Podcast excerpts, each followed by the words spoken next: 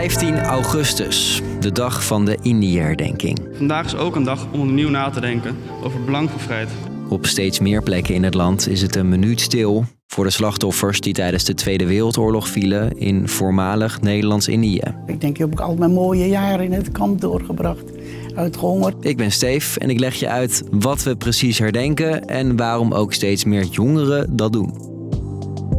Lang verhaal kort. Podcast van NOS op 3 en 3FM. Blader door je oude geschiedenisboeken van school en je leest in de hoofdstukken over de Tweede Wereldoorlog vooral wat er in Nederland en de rest van Europa gebeurde. In de vroege ochtend van 10 mei 1940 vallen de Duitsers ons land binnen. Maar ook in bijvoorbeeld Nederlands-Indië, het land dat we nu Indonesië noemen, werd gevochten. Daar vielen in 1940 de Japanners binnen. Java is. Java is gereed om de invallen te weerstaan. Lukte niet en veel mensen belanden in zogenaamde Jappenkampen, waar ze werden opgesloten. Kregen we schoppen en slagen en zo. En dat was heel beangstigend, ja. Dat vertelt Lily Kloot Stouwen. Zij zat als tiener in zo'n kamp. We waren zo verschrikkelijk mager. Ik weet nog wel dat je moeilijk kon zitten. Want je had gewoon geen zitvlees meer. Dat deed pijn, al die, die botten. Miljoenen mensen kwamen om bij die bezetting. Japan vocht in de Tweede Wereldoorlog aan de kant van Duitsland, maar waar in 1945 steeds meer Europese landen werden bevrijd, Overal werden de bevrijders met laaiend enthousiasme ontvangen. ging de oorlog in Indonesië nog maanden door. Tot 15 augustus, als ook Japan zich overgeeft. Dat we deze dag, 15 augustus dus, ook in Nederland herdenken, is niet gek. Want de geschiedenis van Nederland en Indonesië gaat eeuwen terug. Lang geleden begonnen met de VOC die daar naartoe kwam. Je hoort historicus Lara Nuberg. En uiteindelijk eh, met heel veel koloniale oorlogen is dat hele grote grondgebied wat we nu Indonesië noemen in handen van de Nederlandse regering gekomen. Jarenlang was Nederland dus de baas over deze regio, die toen nog Nederlands-Indië werd genoemd.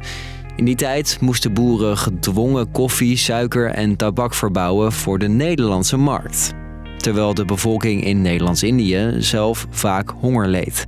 Ondertussen waren er ook steeds meer Nederlanders die op de boot stapten en naar de kolonie verhuisden. Na de Tweede Wereldoorlog wilde Nederland de macht weer terug in het land, maar dat zag de nieuwe zelfbenoemde president Sukarno niet zitten. Hij zei: Nu is het onze beurt. Indonesië wordt een vrij land. Er brak weer oorlog uit, de Indonesische onafhankelijkheidsoorlog. Nederlandse militairen en de verschillende bevolkingsgroepen vochten tegen elkaar. Met opnieuw heel veel geweld. De kolonnes zetten zich in beweging. Zo'n 100.000 mensen kwamen om.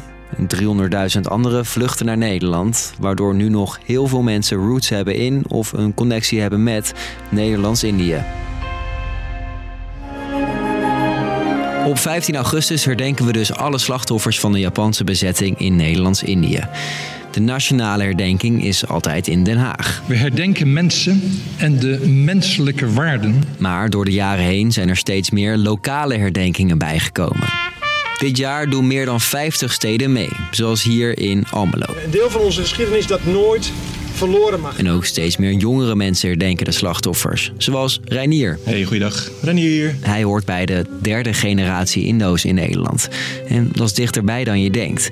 Zijn ouders zijn nog geboren in Nederlands-Indië. Volgens Reinier is het belangrijk om stil te staan bij de slachtoffers die zijn gevallen. Om deze niet te vergeten.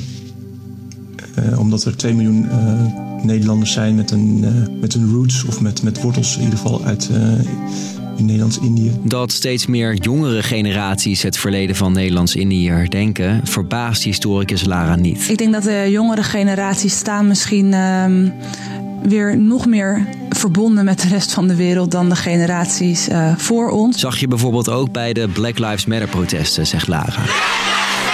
Ze zijn volgens haar meer bezig met de rol van Nederland als voormalig kolonisator. En ik heb het idee dat daar, eh, ja, vooral jonge mensen, die zijn daar toch wel wat meer mee bezig. En die willen ook weten, waar kom ik nou vandaan? En wat hebben mijn grootouders eigenlijk meegemaakt?